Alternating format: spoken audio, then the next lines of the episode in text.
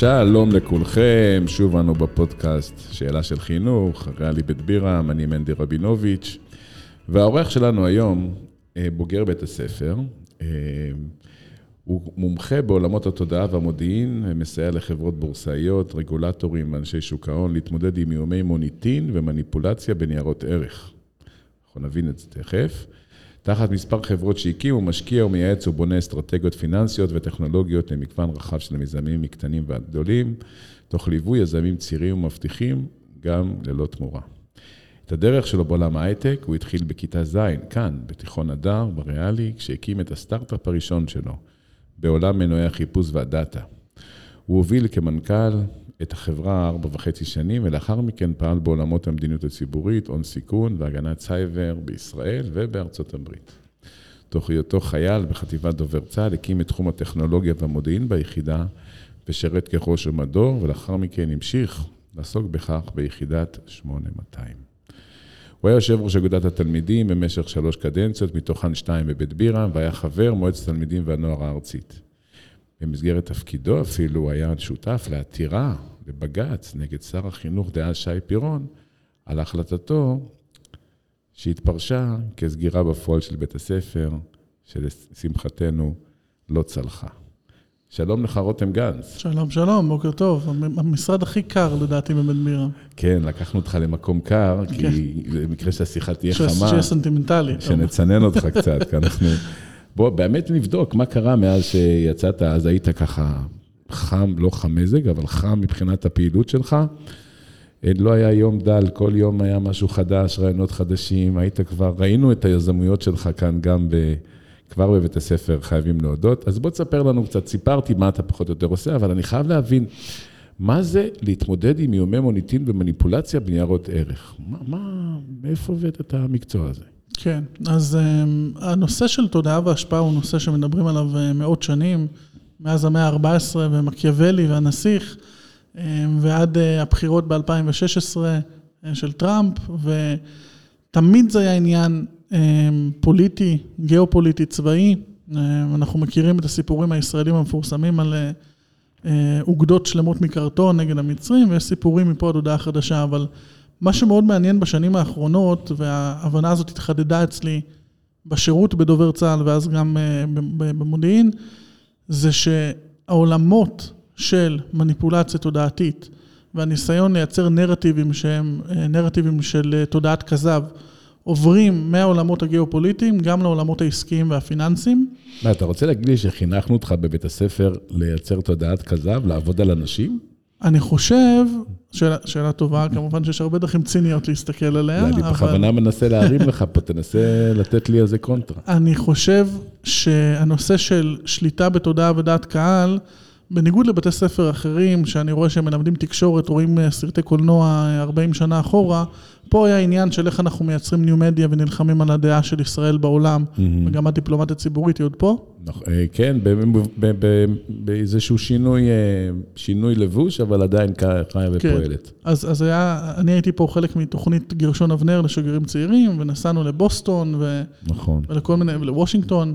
אז הנושא, כבר אז, אנחנו מדברים על 2014, כן? כן. כבר אז היה איך אנחנו מצליחים לייצר נרטיב ותודעה. ואני חושב שבאיזשהו מקום זה דבק בי, כי אני טכנולוג, אני מגיע מעולמות טכנולוגיה, זה מה כן. שעשיתי בגיל 12 וזה מה שעשיתי בחברות. ופתאום פה בבית בירם נחשפתי לתקשורת ודיפלומטיה ציבורית, ואמרתי, רגע. אה, אז אגב, לא- הלחמת. את שני הדברים האלה, ואמרת, בוא ניקח פתרונות טכנולוגיים עם ההבנה שלי בתודעה ציבורית, ונעשה משהו לחברות... הייטק. אה, זה אה, לא, לא בהכרח חברות הייטק, אבל בחברות נסחרות בורסאיות, כן. שהנושא של מוניטין ציבורי הוא נושא שנוגע לערך שלהם בשוק. כלומר, אם מישהו מפרסם על החברה הזאת ב-Financial Times, פתאום איזה כתבה שלילית ומציג איזשהו צפי שוק ומנס, וכמעט הורס להם את השוק, אז מה אתה בעצם עושה ובורא להם את השוק מחדש, משקם להם את השוק? אז, אז אתה נוגע בנקודה נכונה. Financial Times זה כלי תקשורת מכובד. כן. היום אנחנו נמצאים בסיטואציה שבה כל אחד הוא פננשל טיימס, ואתה פותח, אתה הולך ל... לרדיט, כן, לאיזושהי פלטפורמה כזאת, שאתה רק צריך מייל בשביל להירשם אליה וצובר עוקבים, mm-hmm. ופתאום כל מילה שלך, לא משנה אם היא נכונה או לא נכונה, מובילה לשורט, או מובילה לדחיפה של משקיעים מוסדיים החוצה, או מובילה למניפולציה בנייר ערך, mm-hmm. ולא רק כי פלילי זה תמיד היה. כן. הבעיה היא שהרגולטור יודע למצוא את מנדי, יודע למצוא אותי. הוא לא יודע למצוא את ה user ההוא שמתחבא מאחורי מסכים ו-VPN ים, והעניין הוא שהיכולת לאכוף, קצת כמו עם הנשיאת נשק בארצות הברית, כן. לאסוף את הנשקים זה לא ריאלי. אז העניין- מה אתה עושה? איך אתה משתלט על זה? איך אתה מגיב לסיפור הזה? אני בעל חברה, אומר לך, רותם, תעזור לי, תראה, מחריבים לי את השוק. אז הדבר הראשון הוא מודיעין. אמ, אני שם לב, אמ, וזו כבר תובנת שוק, ששוק ההון לא מתנהל במובנים האלה עם מודיעין. בעניינים פיננסיים יושבים לך ברוקרים וכל הזמן מנתחים את המספרים ורואים מי מוכר ומי קונה, יש להם את המודיעין שלהם. אבל מי מדבר ומי משמיץ ומי מייצר תודעה שהיום היא אולי לא איום, אבל בעוד עשרה ימים היא יכולה לשנות את השוק, אף אחד לא אוסף על זה מודיעין. אז אנחנו פיתחנו טכנולוגיות ייחודיות לזה. מרתק. ואז בעצם אתה מגיב, עוד לפני שהידיעה הזאת מתחילה להרוס, אתה כבר מנטר אותה. אז מכיוון שאני מגיע מעולם הסייבר, הדבר המרכזי שהבאתי לזה זה הסתכלות של אנשי סייבר. אני לא מסתכל על זה כיחסי ציבור, אני מסתכל על זה כ-threat intelligence וכ-incident response. אני מביא את אותן מתודות מעולם הסייבר לעולם הזה של מניפולציה ותודעה. שמע, זה מרתק, לא חשבתי על זה, שזה מגיע לכזה רמות, כלומר, אבל נניח שגם לא הצלחת לצמצם את כל העניין, וזה כבר יצא החוצה. אז אתה גם מעורב? ב- חד משמעית, אנחנו שמים לב, ואתה יודע, המידע פתוח לציבור, תפתח את המאיה, את מערכת הדיווח של הבורסה בישראל, ותראה שלא כל דיווח, דרמטי ככל שיהיה, לפעמים הוא לא מגיע לשוק. אז העניין זה איך אתה מדלבר את הפער בין, מה שנקרא בעיית הנציג, כן, איך אתה מדלבר את הפער בין זה שאני לא יכול לדעת הכל על כל חברה שאני משקיע בה או מחזיק בפוזיציה כלשהי, ובין זה שהחברה חייבת להסתמך על מוניטין, והוא חלק משמעותי היום מקביעת שווי השוק של חברה, על מנת להניע את השוק ולייצר לשוק. אז תן לי דוגמה, איך אתה, נגיד, מייצר לחברה מוניטין, משקם מוניטין או מחדש, מחדש את המוניטין שלה, מרחיב אותו. אז הרבה פעמים זה נובע מפשוט להיות בשטח. אנחנו מקימים מערך מאוד רובסטי של נכסים דיגיטליים בעבור הלקוחות שלנו, וככה אנחנו יודעים לסייע להם להגיב באופן מיידי, כמו תגובה אנטי-אלרגית כזאת, כן? אמ, דבר שני שאנחנו עושים זה אנחנו אמ, מספקים להם רשת של מכוני מחקר וקבוצות חשיבה, וככה אנחנו יודעים לסייע בלהנגיש מידע שהוא יותר עצמאי, יותר אובייקטיבי ויותר מבוסס דאטה לשוק. ואז מי שמעוניין להשקיע בחברה, לעשות איתה עסקים, אז הוא בעצם מקבל פתאום תמונה קצת יותר מאוזנת, רואה, רואה פתאום שגם מה שהוא שמע כאן, יש דברים אחרים, יש פתאום איזשהו, כמו שאתה אומר, יצירת תודעה מחודשת לגבי המצב של החברה. אתה יודע, אין מקום טוב יותר לדבר על זה מאשר הריאלי, כן? איך אותן עובדות מביאות לשני סנטימנטים שונים ואפילו מקוטבים בציבור. אז העניין הוא כבר לא הבסיס העובדתי, אלא איך אתה מצליח לדלבר אותו בצורה נכונה לציבור. מעניין, אז בואו נעבור ככה לריאלי, אה, אבל לפני זה עוד שאלה קטנה, זה גם יכול לעבוד עם, אה, עם אנשים כמו פוליטיקאים, שגם הם עסוקים מאוד במוניטין שלהם. באיזשהו מקום זה עובד עם פוליטיקאים משחר ההיסטוריה, לא צריך אה, כלים מתוחכמים מדי בשביל, אה, אתה יודע, לא נעים להגיד, אבל לשלוט, אה, לעשות crowd control לציבור בישראל, בעולם. אני חושב שמה שלמדנו, בעיקר בבחירות הנשיאותיות בין אה, טראמפ לקלינטון ב-2016, זה כמה היכולת להיות אה, נוכח בצורה רובסטית ברשתות חברתיות, מצליחה בסופו של דבר להרעיל בארות תודעתיים. הבנתי. כלומר, יכול להיות שתקבל איזה טלפון לקראת הבחירות הבאות בארצות הברית, יש סיכוי ש... הטלפון שלי חסום לשיחות חוץ, אבל סתם, לא... שלא, כן. תשמע, בוא נדבר קצת על הריאלי. באמת הזכרת שאפשר להסתכל על בית הספר, בכמה- אתה בוגר בית הספר, ויש דברים שבית הספר אה, נקלחה, כמו שאתה סיפרת.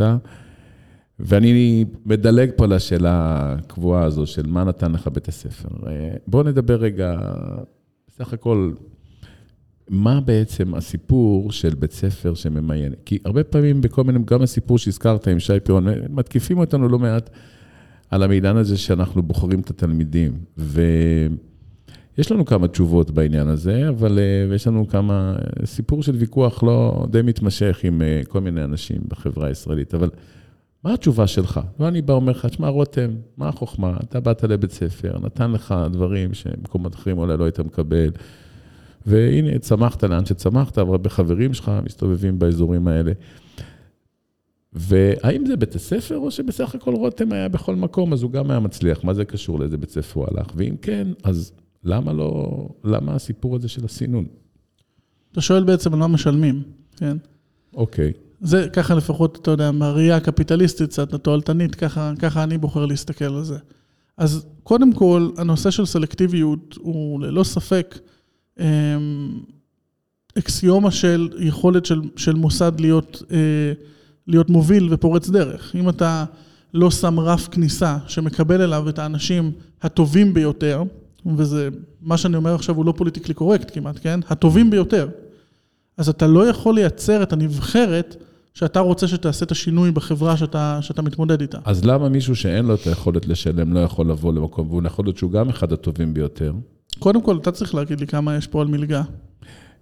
יש מלגות, אבל עדיין זה לא יכול כמובן לפתור את כל הבעיות. אבל איך, איך אתה מצדיק את העובדה שתלמידים שאין להם, אה, ידם אינה משגת, אה. לא מצליחים להגיע? אני, אני למשל, כשאני עונה על זה, אני אומר, חבר'ה, תראו, אני מסכים, אז בואו וניקח תלמידים לא, ונעזור אני... לתלמידים שאין להם להיכנס yeah. לפה בעוד מלגות ובעוד uh, תמיכות, גם מצד הרשויות וגם מצד המדינה, כי יש פה בית בית ספר שיש לו מומחיות בתחום מסוים. כן, אז, אז קודם כל אני מסכים איתך. זאת אומרת, הסיפור של הנגשה של הזדמנויות הוא הסיפור המרכזי של הריאלי. ואני חושב שמלגות מנגישות הזדמנויות, אבל הריאלי, שמדברים עליו כאליטה, הוא בסופו של דבר אליטה של הזדמנות. כן? וזה אתה... פה אתה כבר מגיע, לס... עזוב רגע עכשיו את העניין הכלכלי, אתה מגיע עכשיו לעניין של הכניסה לבית הספר mm-hmm. והסינון של התלמידים, לפי כאלו שיכולים להתמודד עם הדרישות של בית הספר, ותלמידים שיש להם את הזכות להיות עם אה, הדומים להם. זכות כן. לחינוך, כן. שבגדול חינוך אמור להיות עבור כולם, אבל גם לתלמידים עם נטייה מסוימת. אמור להיות מקום שמתאים להם. איך אתה מצדיק את הסיפור הזה? אז קודם כל, אני עוד כמה ימים בן 25, אז הזיכרון של הריאלי הוא עדיין מאוד טרי אצלי יחסית. אני זוכר את הדברים שהיו פה. לא זוכר שעברתי את השער וקיבלתי בליני וקוויאר, זאת אומרת, זה לא סוג האליטה הזה. מה שהריאלי נתן לי בסופו של דבר, זה את ההזדמנות שאני רציתי להתפתח, הוא נתן לי הזדמנות שהיא חסרת תקדים וחסרת השוואה. מה הייתה ההזדמנות הזאת? תגדיר לי אותה. לצורך העניין. רציתי אה, להתעמק בנושא של ניו מדיה ותודעה, הקמתי פה חמ"ל, באחד, באחד המבצעים של צה"ל, הושבתי פה, הבאתי תלמידים מה, מהשכבה שלי, ישבנו פה במעבדת מחשבים, התחלנו לייצר תודעה על מדינת ישראל, רציתי לכתוב עבודה, כן, עבודה משפטית, איתנו באולפן פה דוקטור יהודה להב, שהוא הנחה את העבודה המשפטית הזאת. תכף נגיע אליו, הוא בפינת החדשנות. כן, כן, אז, הוא, אז בפינת החדשנות הוא גם היה כשאני הייתי בכיתה י"א, ורציתי לכתוב עבודה בפילוסופיה של המשפט, ופתאום קיבלתי...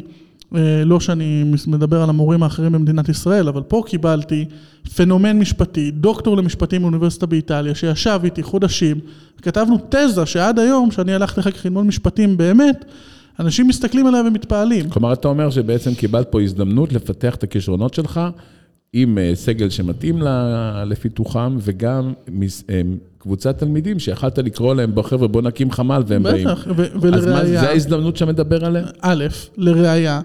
מהכיתה שלי למדנו דיפלומטית ציבורית 18 חבר'ה, יצא מישהו שלפני כמה ימים הסטארט-אפ שלו שווה מיליארד דולר, mm-hmm. כן, והוא בן 24-25 כמוני.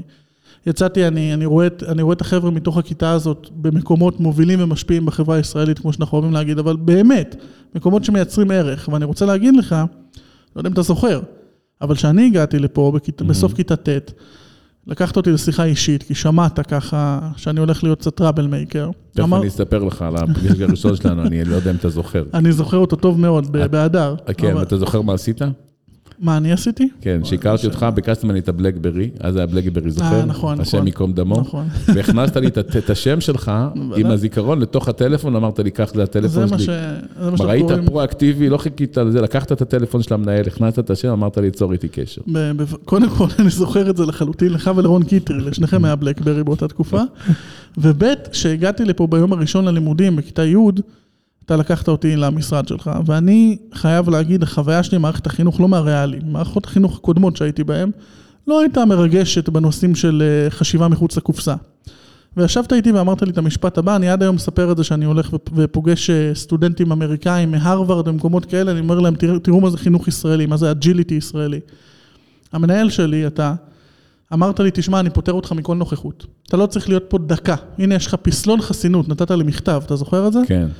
אבל אם אתה יוצא מפה בלי בגרות, אין לך תביעה נגד הבית ספר. אתה לא יכול לבוא ולהגיד, מנדי לקח את התעודת בגרות. כלומר, העברתי לך את האחריות? ומאותו רגע נהייתי תלמיד, סיימתי פה בהצטיינות לימודית, אף פעם לא חשבתי שאני ארצה לעשות את זה בכלל. ואם הייתי אומר לך, אתה לא זז לשום מקום, חמוד עם כל הסטארט-אפים שלך, כנס ותלמד. אז הייתי מראה לך אחרת.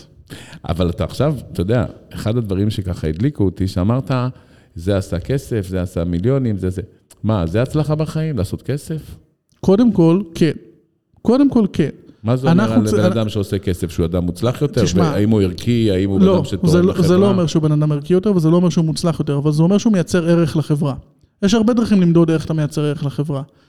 אני חושב שככל שאנחנו מתקדמים טכנולוגית, כאנושות, התפקיד של המדינה מתחלף. כן. הוא, אם פעם היית סומך על המדינה, כן, והיה אליטה משרתת, ורצית שבשירות הציבורי יהיו את החבר'ה הכי חכמים והכי מבריקים, היום, מעבר לזה שכמובן זה, זה לא אפשרי מבחינת כוחות השוק, כי הסקטור הציבורי לא יודע למשוך אליו את הטאלנטים האלה, מהרבה סיבות, לא רק כספיות. היום אנחנו מסתכלים על זה שמי שמוביל את הנגשת הקדמה לחברה, זה לא ממשלות, זה חברות פרטיות. תסתכל על SpaceX. אז מה יהיה עם הממשלות? אני, תדע לך, אני מאוד גאה בתלמידים שמצליחים ומרוויחים יפה, זה הכל בסדר. אבל הייתי גם מאוד גאה, אם היו הרבה תלמידים שלנו בשירות הציבורי, במיוחד ראינו בקורונה מה קורה בשירות ציבורי בינוני, והייתי מאוד גאה אם תלמידים שלנו יהיו יותר נבחרי ציבור, וירוצו לרשויות מקומיות ולחברי כנסת. אני חייב להגיד לך שאני מצפה שיהיו יותר שם. טוב, קודם כל נשמח על הדגל האדום שאתה מרים פתאום, אבל הדרך שאני הייתי מסתכל על זה, היא שהשירות הציבורי, חזקה עליו להיות שירות בינוני, זה לא עלבון, אוקיי? בסופו של דבר הוא צריך להיות יעיל, מצומצם, כמה שיותר אה, אה, לנקודה, בסדר? אנשים שיכולים למלא תפקידים כאלה רפטטיביים, אנשים מסוימים, לך לקורונה, כן? בסופו של דבר, מערכת הבריאות נעזרה באנשים הפרטיים, נעזרה בבתי החולים, המנהלים שלהם, זה לא כן. בדיוק סקטור ציבורי. לקחה טכנולוגיות, בסופו של דבר, אני עשיתי חודשיים מילואים בקורונה במפקדת אלון של פיקוד העורף. מה היה שם? היה שם הייטקיסטים שחזרו למילואים ועשו דאטה וסידרו למדינה הזאת את אני העניינים. מסכים איתך שהחבר'ה האלה, חשוב שיחזרו אה, למערכת אה, ויעזרו בכל מיני דרכים, והם הם מקדמים את החוסן הלאומי ואת הכלכלי של המדינה, אבל אני עדיין לא משוכנע ול, ש, שאנחנו יכולים כל כך מהר להגיד, לה, לוותר על השירות הציבורי ולהגיד שהוא יכול להיות בינוני. אנחנו חייבים לשאוף, ויש מדינות שמוכיחות את זה, שיגיעו לשם אנשים טובים, חדורי מוטיבציה ורצון לשרת את המדינה. אה, מה- אבל, אבל זה לא כל כך שאלה בישראל. כמה אחוז הגיוס פה, בריאלי? 98? 97 אחוז. 97 אחוז?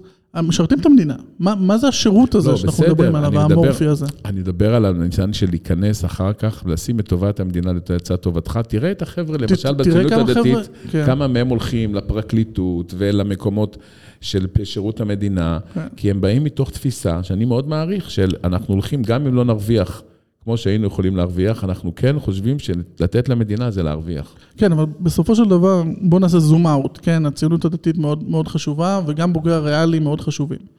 בוא נסתכל בזום אאוט. איפה אתה רוצה את המוחות הכי טובים, במקום שאין להם גבולות והם יכולים לפרוץ ולהביא טכנולוגיות ולקדם את, ה, כן. את ההנגשה של העולם? פה אני מסכים איתך לגמרי, שתמיד אני אומר שאם אה, ההייטק הישראלי היה מתנהל כמו מערכות הציבוריות שלנו, החינוך, הבריאות, והיו על כל דבר צריכים אישור, אם היה אה, שר ההייטק שהיה אומר, לא, פה אתה לא יכול. לפתוח, פה אתה לא יכול לפתוח, כן? ברור שאם לא היה את החירות ואת החופש, לא היינו מצליחים לפרוץ ולהיות אומת ההייטק, ואני חושב שאנחנו נהיה אומת החינוך.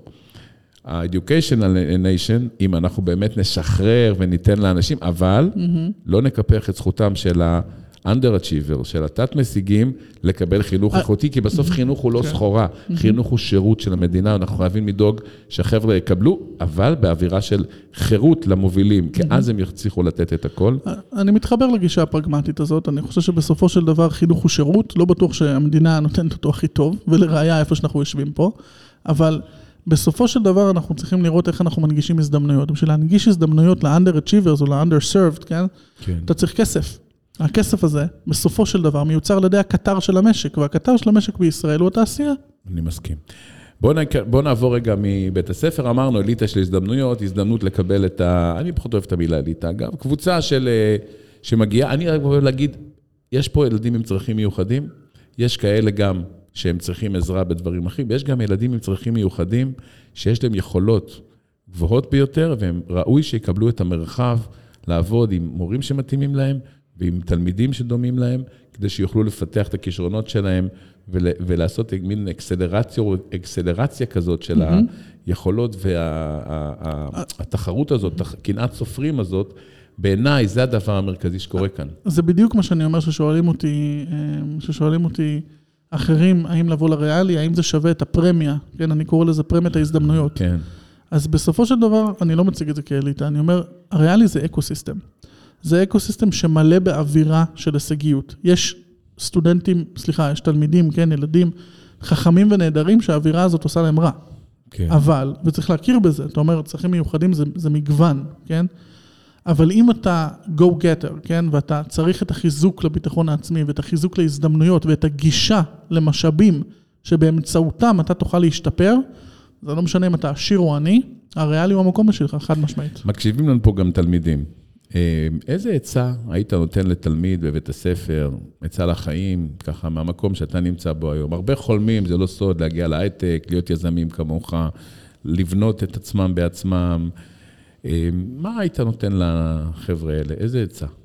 שתי, שתי שכבות לתשובה הזאת. השכבה הראשונה זה לא לקחת ללב, והשכבה השנייה זה לקבל את המציאות כמו שהיא. נתחיל מלא לקחת ללב. מדברים על מניפולציה תודעתית, כן? אנחנו כן. בסופו של דבר יצורים אנושיים ורגשות מש... משפיעים עלינו כמובן. בסופו של דבר, אם אתה יודע לפתח לעצמך את הרזיליאנס הזה, וזה אגב... חוסן. החוסן, כן. וזה אגב חלק מתפיסת החינוך לדעתי, כמו שאני רואה אותה פה בריאלי. זה אחד הדברים המר... המרכזיים שהריאלי נתן לי, ביטחון עצמי שעדיין לא, לא גב... אנחנו אימנו אותך להיכשל גם? חד משמעית. ו- ו- ונכשלתי, אתה יודע. כן. היה, פה, היה פה אירועים, אני לא יודע אם אתה זוכר, אבל אתה יודע, אתה המנהל שלי, אז אני זוכר דברים בצורה מאוד מאוד חזקה שאמרת לי.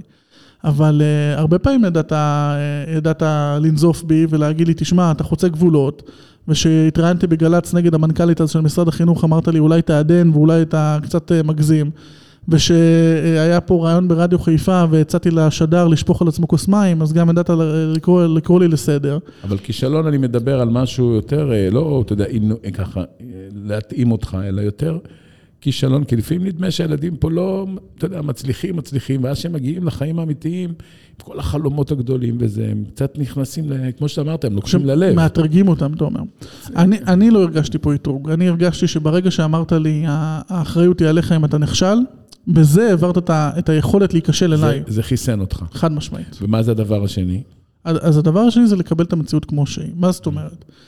אם אתה, הרבה פעמים, התפיסה מאוד לא רומנטית, כן? אבל הרבה פעמים אומרים לילדים, אתה יכול לעשות כל מה שתרצה. אתה יכול לחלום. שמיים ו... הם הגבול. שמיים הם הגבול. אני לא ש... מאמין כמו בזה. כמו שחבר שלנו, יזהר שי, אומר, השמיים הם לא הגבול. קודם כל, השמיים באמת כבר לא הגבול, זה השוק החופשי מראה לך. כן. אבל ברמה הכי פרקטית של הדברים, אני חושב, ו- ואני חושב שבמגוון המקצועות, אגב, המגמות שיש פה בריאלי, mm-hmm. אתה יכול למצוא טוב מאוד את המקום שלך להצליח בו. אתה חייב להבין שיש דברים שאתה פחות טוב בהם, ויש דברים שאתה יותר טוב בהם. אני נגיד, מאוד לא אהבתי פה את לימודי מתמטיקה mm-hmm. בתיכון. לא, לא בדיוק השפיע לי על, ה, על הפרקטיקה העסקית, כן? כן אגב, זו שאלה, חייבים מתמטיקה בשביל להצליח בחיים? שלוש יחידות מספיק? אני, אני חייב להגיד לך ש... להיות יזם, להצליח בחיים, אתה יודע, אה, כל אחד בדרכו, אני, בתחום אני, שלך נגיד. אני בשוק מאוד פיננסי, אני בשוק מאוד מספרי, כן? כן. ואני עשיתי שלוש יחידות פה בריאלי. לא בדיוק חישבתי נגזרות uh, לאחרונה. יש לנו פה כותרת. זה לא כזאת כותרת, אתה, אתה יודע, זה מידע ציבורי, התעודת בגרות שלי כמעט, אבל uh, במובן הזה, אני, אני מאמין שחמש יחידות זה לא, זה לא אקסיומה להצלחה. כן, אבל זה עוזר למי שרוצה להיות מהנדס, כמובן. אם אתה מתעסק במתמטיקה, אז אני כן. ממליץ לך ללמוד מתמטיקה, כמו שאם אתה מתעסק במשפטים, אני ממליץ לך ללמוד משפטים. כן? כלומר, לא, לקחת את המציאות כמו שהיא, כלומר, להסתכל על מה אתה טוב, לחגוג את המצוינות שלך.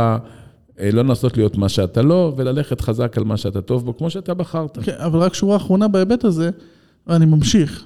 מתמטיקה תלמד מתמטיקה, משפטים תלמד משפטים, אבל השאלה זה איפה אתה לומד להיות יזם, איפה אתה לומד לקחת אחריות, איפה אתה לומד להוביל. כן. הרבה פעמים יוצא לי לדבר עם אה, נגיד אה, מנכ"לים מתחת לגיל 30, יש לנו כאלה פורומים שלנו. כן. והרבה פעמים יש כזה תסמונת המתחזה, שמעת על זה? כן. אז הם, אז הם אומרים, ו, ואגב, אני גם קורבן של התסמונת הזאת בהרבה מקומות, אנחנו רואים את החבר'ה שהיו איתנו ב-8200, או שהיו איתנו בתיכון, שהם פתאום אה, בתפקידי מתכנת ומרוויחים יפה וזה, ועושים הרבה פחות ועובדים הרבה פחות שעות מאיתנו. כן. ואז אנחנו שואלים, האם היה שווה לחזור אחורה לעשות חמש יחידות מתמטיקה, ולעזוב את הסטארט-אפים בצד, ולעזוב את הדברים בצד, ולהיות תלמיד ב-100%. Mm-hmm. והתשובה היא, שלא משנה מה נקודת הכניסה שלך לשוק, אם אתה רוצה להיות מנהל, אם אתה רוצה לקחת אחריות ולהוביל ארגונים, אתה צריך skillset שונה לגמרי מה skillset שיש בכיתה. בריאלי נותנים לך אותו, חלק, הוא חלק מה ecosystem, הוא חלק, הוא חלק מה, מה soft שאתה מקבל בריאלי. אבל בהרבה מקומות, ותסתכל, אנחנו מדברים על מי, מי עכשיו הם 90 אחוז מההייטק, כן? זה, כן, זה חבר'ה כן. צעירים. הסקילסט הזה של להיות מנהיגים, מובילים ומשפיעים, לקחת אחריות, להיות ביקורתי, אין להם את זה. והם יצטרכו לפתח את זה בגיל 40, בריאלי אתה מפתח את זה בגיל 18. כלומר, בבתי הספר אתה ממליץ בחום לבתי הספר, ככל שיעבירו יותר אחריות לתלמידים, יאמנו אותם בלהתאמן בעצמם, בליזום בעצמם וגם להיכשל, יכינו אותם לעולם היזמות בחוץ טוב יותר. תחשוב כמה הרסני זה היה כתלמיד פה לשמוע שאתה אתה עוד עשית לזה קצת אה, עידון, לשמוע שרוצים לסגור לך את הבית ספר. מה זה אומר על התפיסה שלך של סמכות? מה זה אומר על התפיסה שלך של מרות? השר, כן, הקומיסר, הוא חושב לסגור לך את, ה, את הבית ספר שאתה מקבל ממנו כל כך הרבה. אז אני ככה איבדתי את הרומנטיקה שקשורה כן. ל- ל- למעמדות ולסמכות, אבל אני, את זה אני מציע לכל הבתי ספר. המאבק עדיין לא תם, אבל אנחנו מאמינים שבסוף אנחנו, אתה יודע, עושים את הדברים הטובים, ותמיד, תמיד, אמרתי תמיד, אנחנו נהיה הכי טובים, אתה יודע במה? בלשאוף להיות טובים יותר, ולהשתפר, כי אנחנו לא מושלמים כמו כל מקום אחר. יהודה להב, מה שלומך? אה, אני מצוין, תשמע, זה זה חוויה לראות פה את רותם. כן. אה, אלה הרבה, הרבה, הרבה נשכחות וזיכרונות טובים מאוד. כן, גם אני ככה, אני עוד נזכר שהוא במסיבת סיום, עשינו איזה נאמבר ביחד עם ה... אבל אה, זה נשאיר זה, לפעם אחרת. זה עד כדי כך מושרש בתודעה פה, שגם היום, אה, כמה, שבע שנים אחרי שסיים, אני מעלה את השם שלו מדי פעם בכיתה וכל התלמידים מכירים. רותם, אתה מוכר, אתה סלב ריאלי. נכון. אה, אז יהודה, מה חדש אז בעולם? תראה, אני אגיד לך מה. חדש. אני, קצת אה, כועס בימים האחרונים. מה אני, קורה? למה אני, אתה כועס? אני, אתחיל עם שאלה, מנדי. דיברתם פה על אה, התמקצעות בתחום מסוים. נניח שיש לך איזו עבודה בבית שצריך לעשות, עבודת חשמל מאוד מאוד רצינית. כן. היית מזמין מישהו שהוא לא מבין בחשמל, שאין לו רישיון בחשמל, שלא למד חשמל, הסיכוי הוא מאוד... קודם כל הייתי צריך לשכנע את אשתי שאני לא ממש בעניין של יפה. לתקן את זה, כי יש לי, לפעמים יש, לי- יש לי אשתי ציפייה שאני אתקן דברים. נכון, אבל חשמל, אבל חשמל היא גם, אה, בדיוק. האמת שחשמל היא אומרת, עזוב, בוא נביא בדיוק, מישהו רציני, חל- מקצועי. או חלילה טיפול רפואי. אתה לא היית הולך לבן אדם שאין לו הכשרה רפואית, נכון? למה אני אומר את זה? כי בחדשות, ב- בימים האחרונים, יש סדרה של כתבות שבאים, ומכוונה טובה מאוד. הכוונה היא מאוד טובה. אבל מה שהם עושים, הם לוקחים הורים, ואומרים, בואו נשים אותם בכיתה, שילמדו שבוע שלם. זה מביא ובוא- רייטינג ו- אולי. ומה? רייטינג כזה. כן, בוא נראה, הכוונה היא טובה להראות לציבור כמה להיות מורה זה דבר קשה, ומשמעת והכול. אומנות. ואני, ואני לא יכול לשאול את השאלה, באיזו זכות מסוימת אתה לוקח בן אדם שאין לו הכשרה להיות מורה, כן. לא עבר את כל התהליכים, ו- ואתה שם אותו בכיתה עם מצלמות. עכשיו, זה, אני קורא לזה בצורה, בצורה מאוד, אה, במרכאות זה כזה, אפקט המנהל. מה זה אפקט המנהל? יש לך כיתה, יש לך לפעמים בעיות עם הכיתה, והמנהל אומר, יאללה, אני רוצה להיכנס לראות מה קורה בכיתה הזאת. ואיך שהוא נכנס, פתאום כולם דוממים, כולם בסדר. ברור, כי זה, כי זה, זה הדבר האקזוטי פתאום, זה השונה, זה לא השגרה.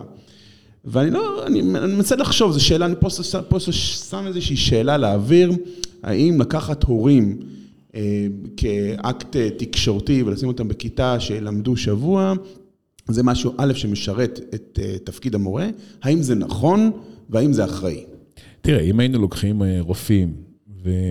או אומרים להם בוא תהיו רופאים, או בוא תהיו טייסים, אז זה כמובן סכנה של חיים. אבל להיות מורה, התפיסה אומרת, אוקיי, מה הוא כבר יזיק?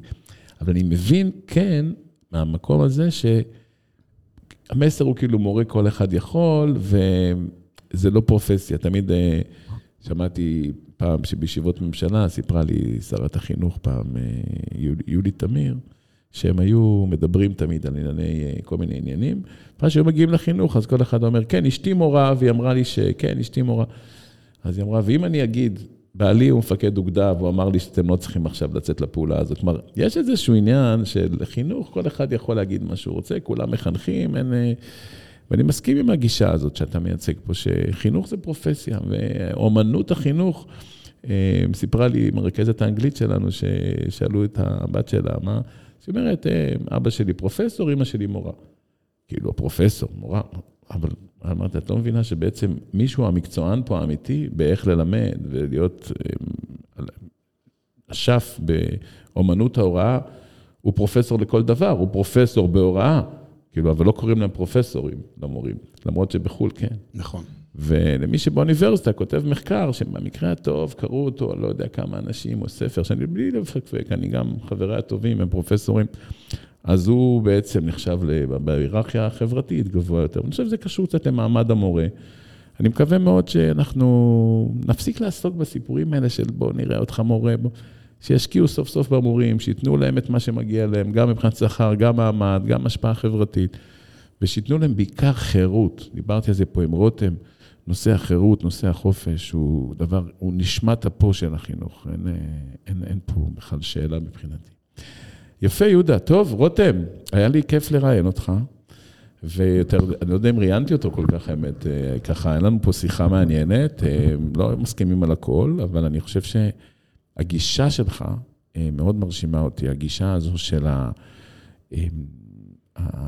המחוללות העצמית, ה... לא לחפש מה מגיע לי ומי ייתן לי ומה יעשו בשבילי, פשוט לקח את עצמך, מהרגע שהכרנו, לקחת לי את הטלפון, עד עכשיו, אני חושב שזה עברו עשר שנים, אתה אדם ששם לעצמו מטרות וצועד להשיג אותן ומתקן גם תוך כדי, וזה משהו שאני מאחל לכל בוגר שלנו. אז תודה רבה, איך היה לך? היה נהדר, אני חייב להגיד ש... זה, זה גם הדדי, ששואלים אותי מי האנשים שהכי השפיעו עליי, אז אני לא חושב שהרבה שמים את המנהל של התיכון שלהם, אני כן. מחמיא לי מאוד לשמוע, ואני מקווה שנעשה טוב לעוד תלמידים ועוד אנשים שגם ישמעו, ואולי ישבו השראה מהשיחה שלנו. היה ממש כיף לראות אותך. תודה, תודה. ובהצלחה. תודה. בכל מה שתפנה לעשות. תודה לכולכם, להשתמע בשבוע הבא.